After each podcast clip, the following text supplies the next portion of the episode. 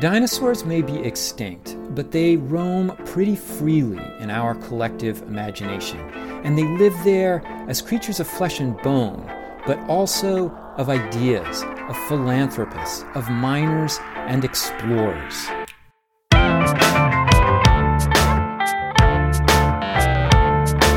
It's time to eat the dogs. I'm Michael Robinson. Today, Lukas Rieppel talks about dinosaur fossils in the Gilded Age, from the discovery and excavation of fossils in the American West to the reconstruction of fabulous creatures in museums that were the darlings of wealthy philanthropists. Rieppel is an assistant professor of history at Brown University, and he's the author of Assembling the Dinosaur Fossil Hunters, Tycoons, and the Making of a Spectacle. Lukas Rieppel, thank you so much for talking to me. Thanks so much for having me. So, you write in your book that the year 1877 revealed the American West to be a paleontologist's El Dorado. What do you mean by that? So, I guess first of all, I should say that in just general US history, 1877 is often taken to be an important year. It's kind of the end of Reconstruction, the beginning of the Gilded Age. So, it's kind of just a significant year for all sorts of general political social, cultural reasons. And so I was kind of just interested in the year 1877. And it just struck me when I was doing research on this book, I was really struck by the fact that there were three separate dinosaur quarries that were independently discovered in 1877 in the American West. So there were dinosaurs that were found earlier in other parts of the world, including some other parts of the United States on the American East Coast. But really, it's 1877 that dinosaurs were discovered in 18, excuse me, in the American West and not just once, but three separate times independently within the same year. And that kind of it was just an explosive moment, and it really kind of focused the world's attention, or at least the paleontological community's attention, on the the Rocky Mountain West, so Wyoming, Colorado in particular. What were the um, the three digs finding? Where were they, and what, what did they find? So there were two in Colorado. Uh, one of them discovered by Oramel Lucas, Cañon City, Colorado, and another one uh, that was found a little bit further north in Colorado by a mining engineer and school teacher. And then there was a third quarry, which is probably the most significant of the three, found uh, just a little bit further north in Wyoming, in southern Wyoming, uh, outside of Laramie, Wyoming, in a place called Como, Wyoming, mm. by a an employee of the Union Pacific Railroad named William Harlow Reed. One thing that's worth mo- noting quickly is that all three of these quarries were discovered within just a few miles of a railroad track. So the Transcontinental Railroad was completed in 1868. So within about a decade, that dinosaurs were found in the American West. And it's no coincidence. There's a very clear and close connection between the construction of a transcontinental railroad, largely to help promote the creation of a mining industry in the American West, and the discovery of dinosaurs in the American West too. Uh, these three quarries, each of them, like people found dozens and dozens of new specimens in them, and in many cases, tons and tons of fossils. So the most prolific of the three was the one in Utah. Excuse me, was the one in Wyoming found by William Harlow Reed, and that's the quarry that supplied the naturalist community, the community of paleontologists, with many of the first examples of many of the dinosaurs that I suspect you and many of your listeners will be familiar with. So creatures like Brontosaurus, uh, or Stegosaurus, as well as Allosaurus, which is a kind of more obscure dinosaur, but is a close relative of T Rex. T Rex itself wasn't found until 1902, but a very close relative of T Rex was found in the 1870s, one of these 1877 discoveries. One of the things you write about when you're writing about these fossil finds is that, and I didn't know this, that these fossils were not new to the Native American peoples who lived in the West, especially the Sioux people of the Dakotas and Wyoming what did they think about these objects and how do they make sense of them? Thank you so much for asking that question. That, I think that's a really important question to ask, and it's an important issue for historians of science and historians of exploration in particular, maybe to think about is what constitutes a scientific discovery. So, uh, we often say that 1877 is the year that dinosaurs were discovered in the American West. But of course, to say that is to leave out the fact that many, many people had existed in the American West, or what we are now calling the American West, prior to 1877. In fact, for mm. hundreds, if not thousands, if not hundreds of thousands of years prior to 1877, and had been interacting with dinosaur bones for that time and indeed taken a deep interest in dinosaur bones. So there's a anthropologist and folklorist at Stanford University named Adrienne Mayor, who's done some really amazing work using methodology of kind of uh, ethnography and folklore studies to try to reconstruct some of the knowledge of Native Americans, in particular the Lakota and the Dakota Sioux. Lakota, in particular, I would say the Lakota Sioux, uh, but not only the Sioux, I mean, also the Cheyenne and other Native American tribes. Their interest and knowledge about vertebrate fossils, and to do that largely through a kind of careful analysis of Lakota and other Native American origin stories and, and kind of narrative accounts of their own histories, as well as sort of some of the material culture of Native Americans, in particular buffalo hides and things like that, that contain some pictographic written accounts of their history. And it's clear that as the Lakota Sioux, in particular, Lakota Sioux are initially from kind of the Great Lakes region in the Midwest.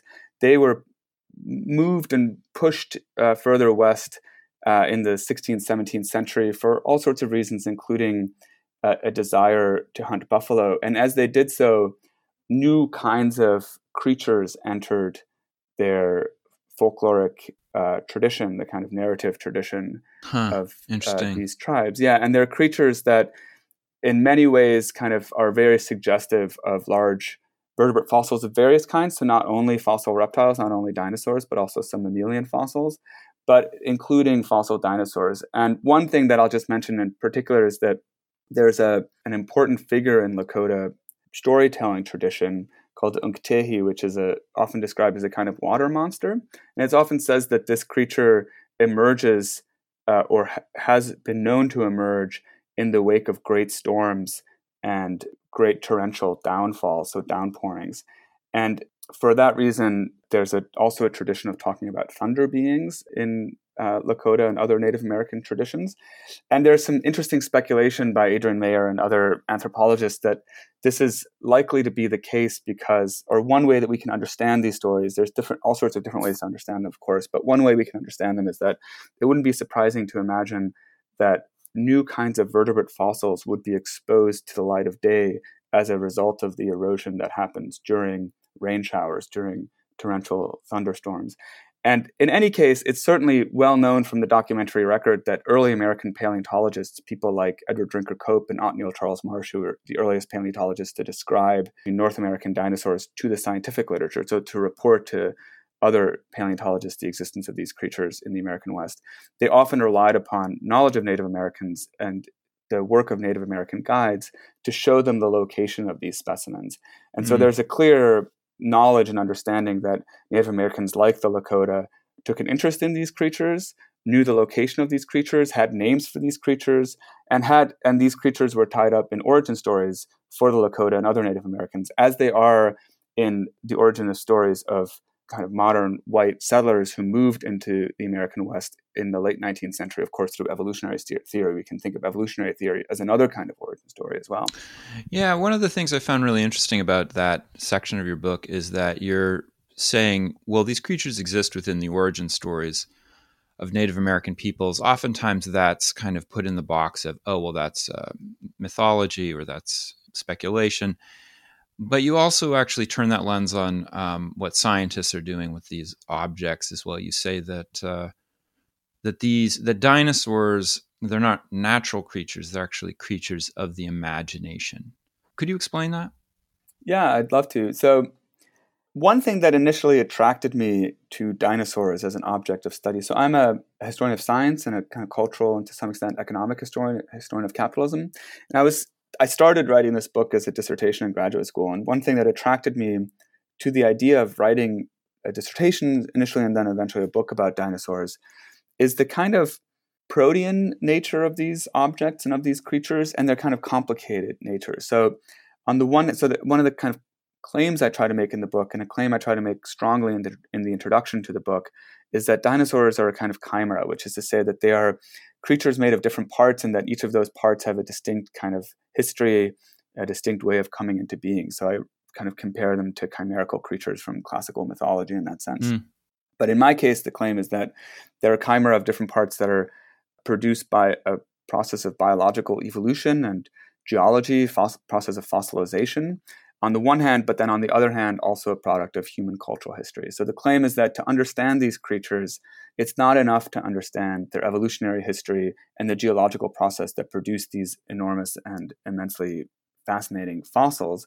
We also have to understand the cultural, social, economic history that led to their being disinterred, being shipped often at great expense over vast areas of geographic space from places like the Rocky Mountain West to major urban centers like New York, Chicago, or Pittsburgh, and then finally assembled into imposing and impressive displays in urban museums of natural history. And all the knowledge and all the kind of speculation, there was often not much known about these creatures when they were found, all the knowledge and speculation that went into turning scattered, disarticulated, fragmentary fossil discoveries into fully fleshed out, three dimensional, fully articulated skeletons and by the way, skeletons that have changed immensely in the last 100, 150 years since the initial discovery of dinosaurs. So we're constantly changing the way. Yeah. I, I, was quite interested. You know, you mentioned Cuvier, um, the French comparative anatomist uh, from the 18 teens, I guess, who was also working with extinct, you know, fossilized remains and I never really thought about this, but you you talk about how it was actually quite new for him to take, let's say, a small number of bones and then confabulate some big organism that's fully fleshed out, that's sketched, and and that that becomes a kind of template for how later people look at these scattering of objects and then say, okay, let's actually create a, a, a creature out of it. Am, am I getting that right? Absolutely. The, people are often surprised. I myself was very surprised to learn just how young the science of paleontology is. So, again, of course, there are people who have been interested in fossils and the fossil remains of not just dinosaurs, but all sorts of different creatures that one can find all over the world, right? Not just the Lakota Sioux, but also in ancient and modern China and Africa and every part of the world. There's people have been interested in fossils. But the study, the kind of scientific study the kind of create the creation of a branch of natural philosophy that devotes itself to the study of these specimens and devotes itself to the study of these specimens in a very particular way, this way that you're describing just now with respect to Cuvier, this kind of synthetic approach, where the aim is to kind of reconstruct an entire world. So, not just the individual bones, nor even just the individual organism that the bones are a part of. So, this kind of synthesis of the bones into an organism, but indeed an entire world from these organisms. What we might now, in anachronistic mm. 21st century terminology, call the kind of ecosystem that these organisms are a part of. That's really only something that goes back a couple hundred years to the kind of the eight, end of the 18th century, very beginning of the 19th century, with the, pe- the work of people like Georges Cuvier. And one of the other big themes uh, in your book, uh, to refer back to what you were just talking about, like this process of um, thinking of the dinosaurs more than just a, a, bunch of things that you extract out of the ground, but that they're um, somehow created by the the process and the and the time period. Well, in that you say one of the big processes is actually the rise of corporate capitalism, and that you can't understand the dinosaur without understanding how it connects to that world in the 19th century. What are the most important links do you see between those two things? Oh, there's so many. So the way the book is organized is I've tried to kind of almost write a kind of biography of the dinosaur in a way, or I prefer to call it a kind of life history of the dinosaur. So the book starts in the field, so at, at the dig site, and in particular the Rocky Mountain West, and then it moves from there. So, like the extraction of dinosaurs from the ground, it moves to their transport to museums where they were studied and then finally put on display. And then it looks at the way that uh, dinosaurs entered much more widespread circulation in popular culture in the early 20th century.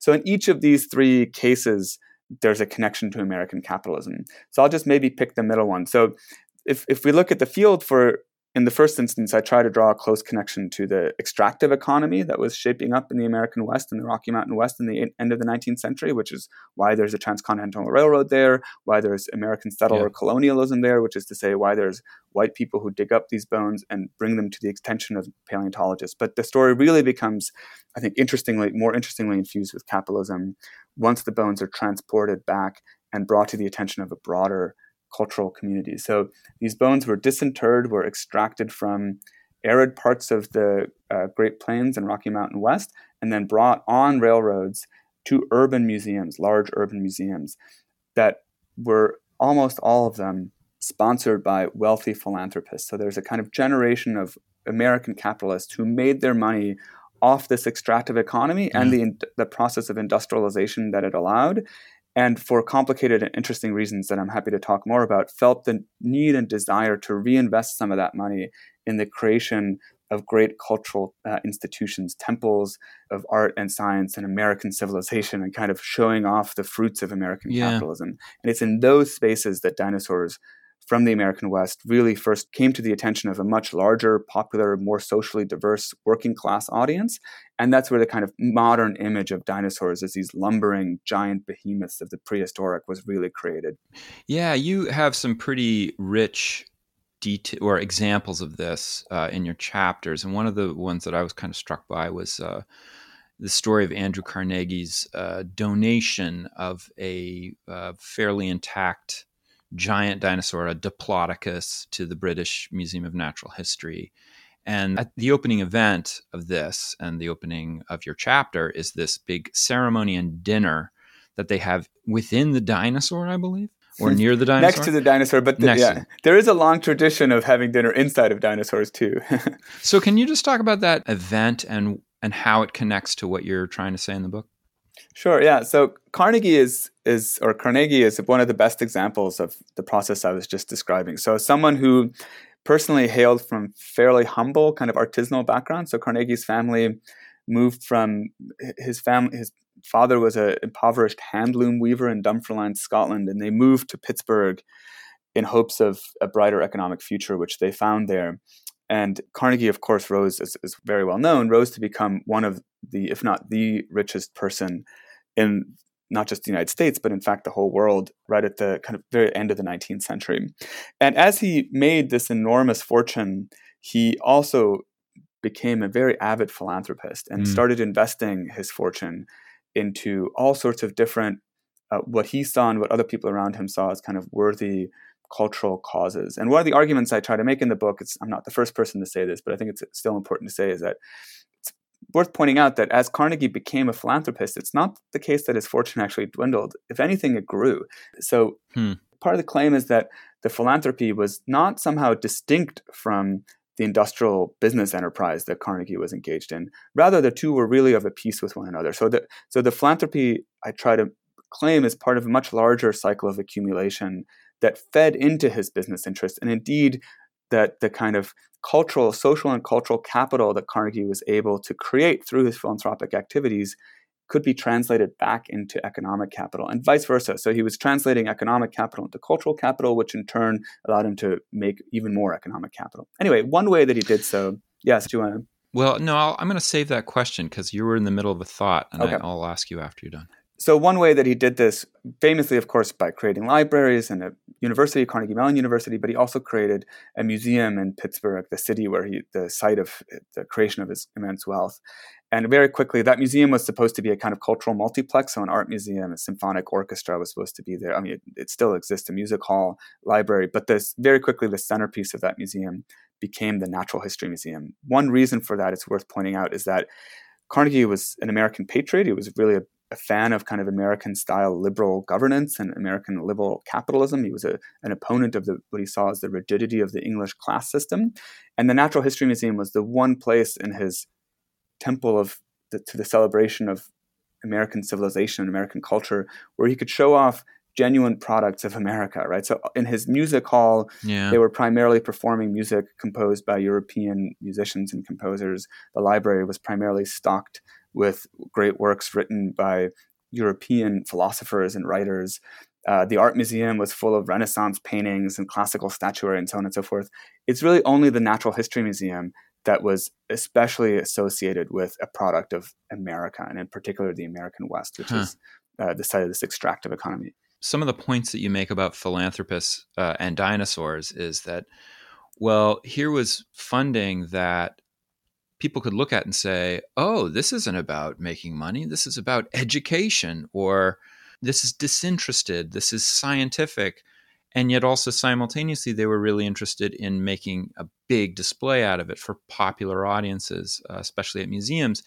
And I was thinking about this. I'm like, you know, that really all applies to the funding of explorers in the late 19th century, too. These philanthropists were really excited in New York City, same institutions actually yeah. at the American Museum of Natural History, to fund human beings to go to various places, you know, Central Africa or the Arctic or the, the Antarctic and do this work. And then they would associate themselves by name with those things. And so i was thinking like oh there's this weird parallel between dead fossils and living explorers. And i just wanted to see if if you have any thoughts about that. It just struck me. There's definitely uh, a connection Absolutely. And one place to look at it is through celebrity culture. So th- there's a particular explorer that brings these two worlds together just in his own biography, and that's Roy Chapman Andrews, oh, very yeah, famous yeah. early 20th mm. century explorer who's sometimes, I'm not sure if this is true, maybe it's apocryphal, but sometimes it's claimed that Roy Chapman Andrews was the sort of model for the Indiana, Indiana Jones, Jones yeah. But Roy Chapman Andrews, he was a I get I think he came from Indiana and supposedly according to his own biography autobiography, moved to New York and got a job sweeping the floors of the New York Natural History Museum, but very quickly became famous explorer, mostly through kind of whale hunting. He did a lot of kind of cetacean research in um, the Pacific around Japan, and then started this one of the most ambitious expeditions of the early 20th century called the Central Asiatic Expedition. Hugely expensive. I think the whole thing cost around $250,000 all told, which is a huge amount of money at that time. And the most celebrated discovery of that uh, expedition was dinosaur eggs yeah. in the red cliffs of the Gobi Desert in Mongolia. So yeah, dinosaurs uh, kind of and exploration culture are intimately tied to each other. It's, I'm sure you know about this. There's always these stories also of African explorers claiming that they've seen live dinosaurs, which is kind of an amazing uh, feature of the history of exploration, and feeds, of course, into the Arthur Conan Doyle kind of lost world narrative that becomes very popular in the early 20th century. And you know, another link uh, with Roy Chapman Andrews, I think that expedition was originally intended to find evidence of hominids in China because exactly. Osborn, the head of the American Museum, if I'm getting this right, was totally interested in human evolution and trying to push this one type of evolutionary theory. And the reason I'm bringing that up is because a lot of historians of science talk a lot about evolution, but they don't really make those connections too much with what's going on in paleontology. And you do that. You talk a lot about how these big extinct animals are connected both to stories of evolution and to the story of capitalism. Can you go into that? Sure. Here the story gets a little bit complex. So I'll try to I'll try to make it as straightforward as possible. Yeah, I know. I'm asking you to do a lot. small, small bites. The usual way of thinking about evolution that the Darwinian way of thinking about evolution, which is evolution by natural selection, where there's a kind of competitive process, uh, a competitive kind of bottom up evolutionary process, really fell out of favor at the end of the 19th century. It didn't completely disappear, uh, but there was a, alternative theories of evolution that became very widespread and very popular. And sometimes it went by different names, but it was often called orthogenesis, so orthogenetic theories of evolution. And the people who really were kind of at the forefront of this style of evolutionary theorizing were paleontologists. So paleontologists were finding all these fossils buried underground and were trying to create evolutionary lineages, so kind of evolutionary family trees, and tracing the evolution of modern life forms from their extinct relatives. And as they did so, they were really struck by the kinds of patterns that they found in the fossil record. And one in particular that struck out to them was that there seemed to be a sort of parallel between the evolution of entire species and the development of individual life forms. So, as an individual is born and kind of goes through embryogenesis, becomes increasingly complex and kind of sophisticated as it enters adulthood, and then enters a period of senescence and decline. Mm-hmm. So, extinction was seen as a kind of natural and very important part of the evolutionary process. The idea is that species went through a similar process. So new species come into being, they have a kind of juvenile period, and then they enter an adult stage where they proliferate and really kind of become well adapted to their surroundings. And eventually they become senescent and enter a period of decline, ending in extinction. This, of course, was a, a theory that was not just applied to individual organisms and species, but also to societies. People like Herbert Spencer and a lot of other kind of social theorists at the time thought of human cultures and human societies, and indeed also political economies in these ways, as things that go through a kind of predictable evolutionary process.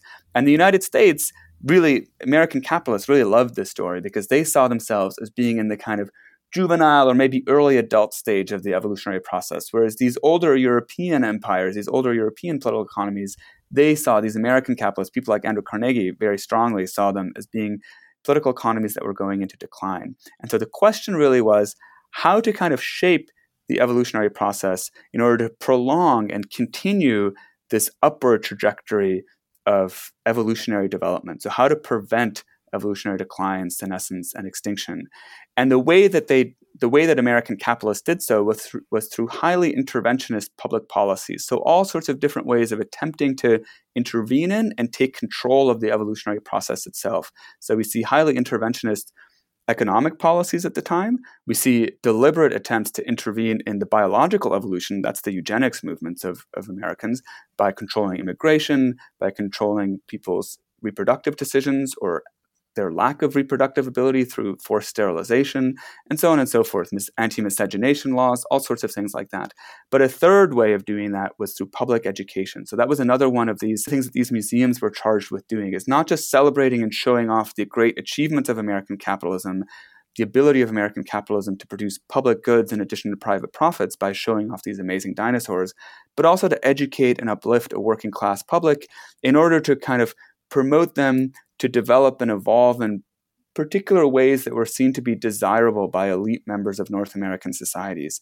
And dinosaurs were an absolutely essential part of that story because dinosaurs were seen at the time as a kind of evolutionary dead end. This is no longer the case. Now we think of modern birds as being the direct descendants of dinosaurs. But in this period, the early 20th century, dinosaurs were thought to have gone completely extinct. So dinosaurs offered a kind of cautionary tale.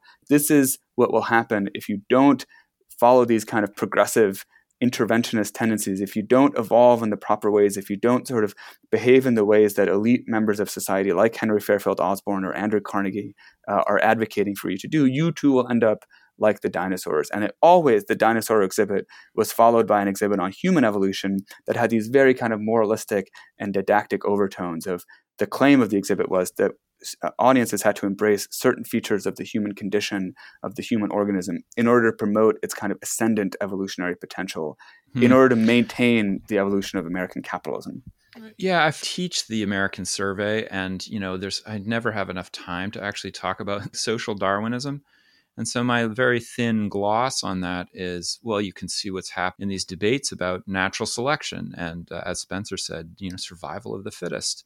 And then you can map that really easily onto things like, well, that's why we shouldn't give our workers more money, or you know, that's why mm-hmm. yeah. Carnegie writes the Gospel of Wealth. Uh, you know, his essay about why you know it's good to be rich, and you guys uh, should get in line. Yeah. But reading your book, but I if I could just that, very quickly, yeah, yeah, Gospel of Wealth is such a fascinating. So I have a lot of um, criticism of American captains of industry, you might say, or robber barons like Andrew Carnegie in this book. But I also, I have to admit, have a, some fair bit of respect for them as well, or at least some of them. Andrew Carnegie is a case in point. The Gospel of Wealth is an amazing essay, and it's often kind of reduced to sort of crass social Darwinism in the kind of survival of the fittest mode. But I think it's there's something much more sort of subtle and, to my mind at least, interesting going on there because according to Carnegie, the American capitalism and political economies in general kind of, as I said before, kind of go through these evolutionary stages and there's a kind of upward trajectory where survival of the fittest, kind of this competition, what Darwin at the end of the origin of species calls the war of nature. It's kind of very competitive, cutthroat view of the world comes to be seen as obsolete and is replaced by a kindler, more gentler, and more kind of expertise driven evolution.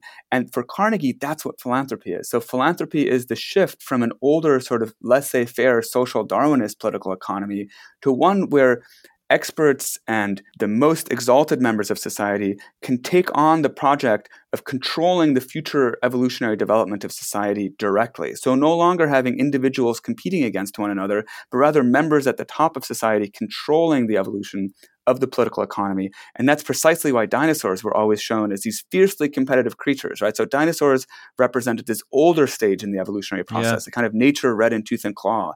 And they were replaced by these much more agile, intelligent, less competitive, more cooperative mammals, such as ourselves, the human yeah. species. In fact, wh- where I was going to end with that question to you, but you kind of already said it, was that I actually teach the Gospel of Wealth, which I, for people listening, it's a essay, and I can't remember it was published in one of the one of the journals of the day uh, by Carnegie. Basically, the Century, I think. The Century, yeah. But it actually helped me read that a little bit differently because it is about uh, social Darwinism and this idea that you know there is a reason why I'm on top and you guys aren't. Um, but that simultaneously he's also firing a broadside at his fellow captains of industry, saying, "Dudes, you have to be compassionate." It's very paternalistic. You know? Absolutely. but nevertheless, that it's our place in society to somehow, you know, recreate the bonds between the working class and the and the ruling class. Anyway, I was just thinking it fits very well with what you're talking about with dinosaurs. American progressivism in the early 20th century in general was very paternalistic. One thing that's I'll just mention very briefly is really important to keep in mind that this is a period I call it the long Gilded Age, but sometimes it's called the Gilded Age and Progressive Era. Anyway, the late 19th, early 20th century period of staggering economic growth, nearly exponential growth in gross domestic product, for example. So huge economic growth, but also a period that we often forget was seen at the time and rightfully seen as a kind of moment of crisis for American capitalism. This was a moment of huge labor unrest, so huge economic growth, but also the creation of absolutely immense inequality, inequality that the world wouldn't see again until the very recent past. So kind of a period that very much resembles our own time in history, where there's huge amounts of resentment, huge amount of labor unrest, labor unrest that often turned violent, including in Carnegie's own factory. So the Homestead strike was a very kind of violent uprising. There were general strikes, there were kind of worker uprisings all across the United States, and there was a real kind of threat, and there was a sense that American capitalism could be overthrown and replaced by a very different sort of political economy. And so the people like Carnegie, who had benefited so immensely from American capitalism, of course, had a huge interest in shoring up the kind of cultural and epistemic foundations of American capitalism. And for Carnegie, that was philanthropy. So the museum was a way of showing it was so important to attract working class audiences to the museum. Mm. That's why dinosaurs are so important, because there's these spectacular objects that draw people into the institution so important to attract working class audiences into the museum because it was only thus that they could be shown the claim that Carnegie made, right? They could be shown that American capitalism works for the good of all in society, right? If you make a museum and nobody comes, if you don't have a big dinosaur that's attractive to people, then how can you make the claim that philanthropy is actually benefiting society? You have to give people something that they want to see in order to be able to make this argument that philanthropy produces genuine public goods. Hmm. Lukas Rieppel, thank you so much for talking with me. Michael, thanks so much for having me. That's it for today. The music was composed by Zabrat. Make sure you check out the Time to Eat the Dog's website podcast links and other exploration related stuff. And if you get the chance, please take a minute to rate and review the show wherever you get your podcasts. It really helps make the show visible to new listeners. And if you want to recommend a guest or make a comment, feel free to contact me at Time to Eat the Dogs, that's one word, lowercase, at gmail.com. See you next week.